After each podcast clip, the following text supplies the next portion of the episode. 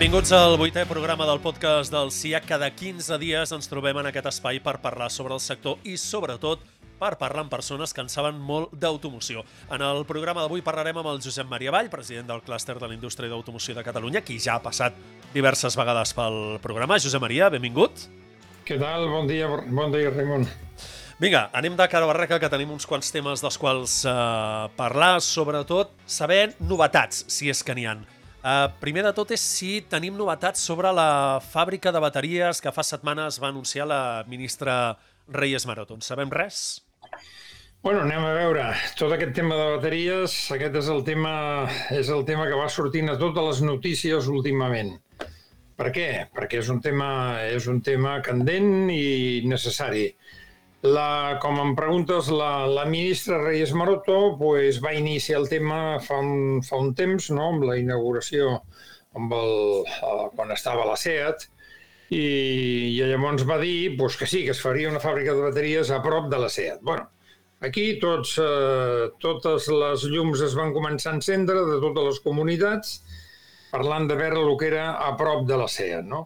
Més endavant, la ministra, amb unes altres declaracions, va dir els primers PERTES que s'aprovin, pues, eh, eh, que segurament seran abans de l'estiu, estaran dedicats a l'automoció. Això, més endavant, ja parlem de la passada setmana, pues, eh, la, mateixa, la mateixa ministra ens diu eh, pues, el PERTE que s'aprovi d'automoció estarà molt lligat amb les intencions de SEAT. I això, pues, cada dia anem sabent alguna més, no? Què, ens, eh, què passa amb tot això? Uh, la veritat és que encara una notícia oficial no hi és. Per què? Perquè aquests PERTES, els PERTES que s'han presentat per part de la SEAT, que és important, però no solament de la SEAT, sinó que hi ha hagut moltes comunitats i moltes empreses que els han presentat, doncs ara en aquest moment estan, estan a Brussel·les, a la Unió Europea, doncs perquè diguin exactament quins s'aproven. Creiem que amb el proper mes de, de juny eh, això en començarem a saber alguna cosa, no? I abans de l'estiu, possiblement, com diu la ministra, sabrem alguna cosa en quant amb algun PERTE d'automoció. Aquest PERTE d'automoció no serà eh, exclusivament anem a fer una fàbrica de bateries, perquè no és solament això. La indústria d'automoció necessita algo més que una fàbrica de bateries. Necessita tot un pla estratègic.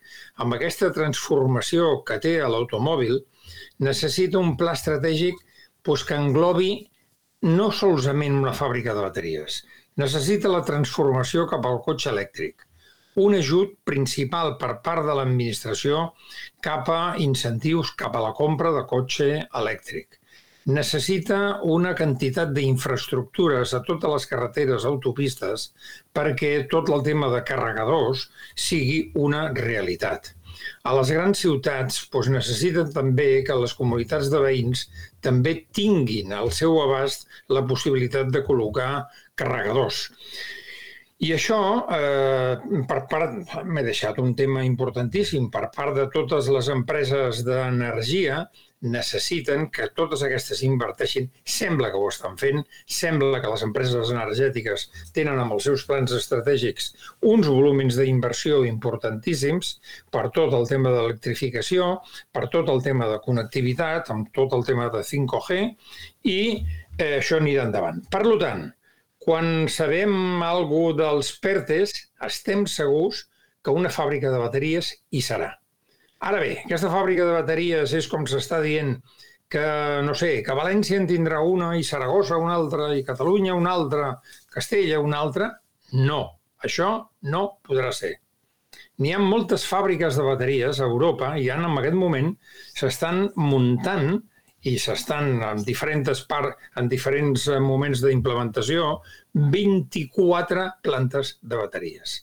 La necessitat de que Espanya tingui comencem una fàbrica de bateries i més endavant més d'una fàbrica de bateries és imperiosa. Per tant, aquesta fàbrica de bateries pot estar, una fàbrica de bateries té molts processos i amb els processos un dels més importants és la part química del procés. Aquesta part química del procés doncs, té que estar a prop de la font de subministre de matèria primera, com és el liti, no?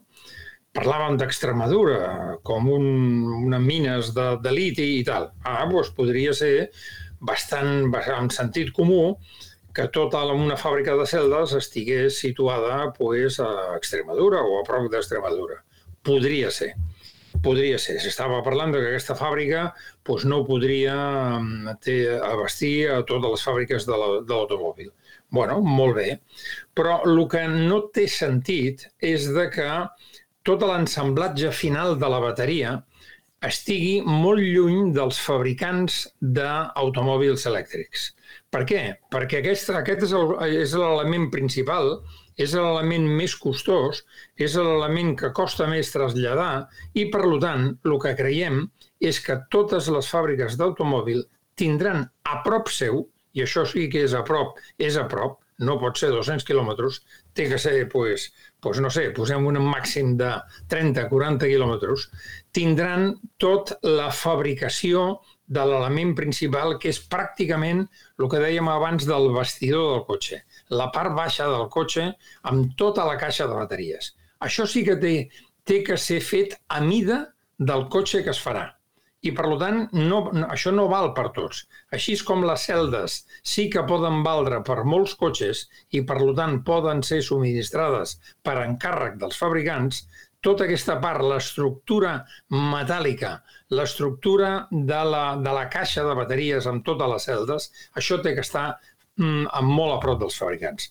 Per tant, creiem que això serà el, el, la configuració final de lo que estem parlant de bateries. Inclús amb unes primeres etapes, això de les celdes, suposant que no s'hagi fet la fàbrica de bateries, podria ser que s'importessin. I podria ser que s'importessin i, eh, i això no encariria massa el, el, el cotxe elèctric final i, però importar-les vol dir que després muntar tot el, tot el battery box i muntar tot, tota l'estructura. Aquesta podria ser la configuració que jo crec que en un parell de mesos anirem sabent. Perfecte, doncs estarem, estarem pendents. Li pregunto per més possibles novetats, d'acord? que fa alguns mesos el CIEC va presentar un conjunt de projectes eh, per al sector de, de l'automoció, el que coneixem com a projectes tractors en, en quin punt es troben aquests projectes? Ho dic perquè està molt relacionat amb el que estàvem comentant ara dels PERTES, etc. En quin punt es troben aquests projectes? Bueno, sí, efectivament, eh, com ja sabem, eh, nosaltres com a CIA, que es va presentar un, un projecte, un PERTE, eh, conjuntament amb la Generalitat conjuntament amb, amb Eurecat, aquest era un projecte, era un projecte, un PERTE molt important, era un projecte de país, era un projecte que englobava totes les necessitats de l'automòbil amb, per aquests propers pues, 10-15 anys i amb la transformació que tenia que fer tota la indústria i, a més, la necessitat de formació de la gent, eh, i, a més, amb necessitat de que totes les energètiques pues, invertissin en aquest tema, tal com estava explicant abans. Molt bé, aquest PERTE es va presentar, eh, sabem que, que això s'ha pues, discutit amb el eh, Ministeri d'Indústria que, que és el que està aglutinant tota la discussió de, de tots els PERTES, però, francament, no creiem que tal com es va presentar aquest, eh, tot aquest projecte eh, se'ns aprovi.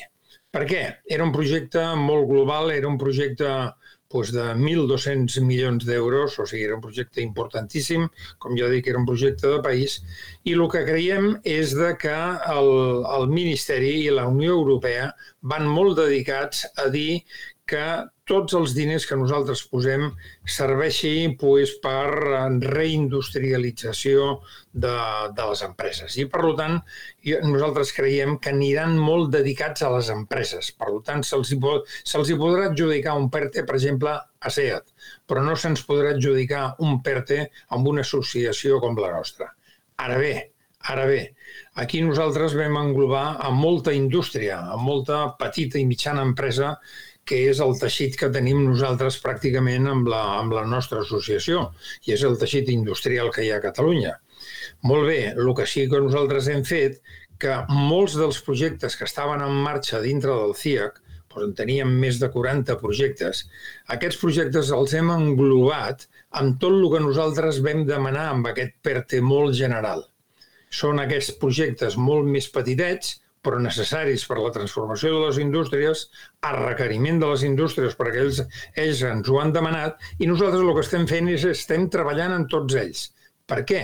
Perquè quan s'aprovi un PERTE, sigui de SEAT o sigui de qui sigui, nosaltres els podrem juntar amb aquests projectes, macroprojectes, posem que siguin, entre cometes, de SEAT, i així es podran continuar i podran afavorir-se d'aquests diners que vindran de la Unió Europea. Per tant, estem treballant amb això, amb mini-projectes, perquè en un moment determinat quedin englobats en un macroprojecte. Perfecte, doncs no tenim espai per... no tenim més temps, ja hem passat els 10 minuts, que més o menys és el temps que sempre intentem dedicar al podcast, així que fins aquí el podcast d'avui. Josep Marivall, president del Clúster d'Indústria i Automoció de Catalunya, moltíssimes gràcies per acompanyar-nos aquests minuts.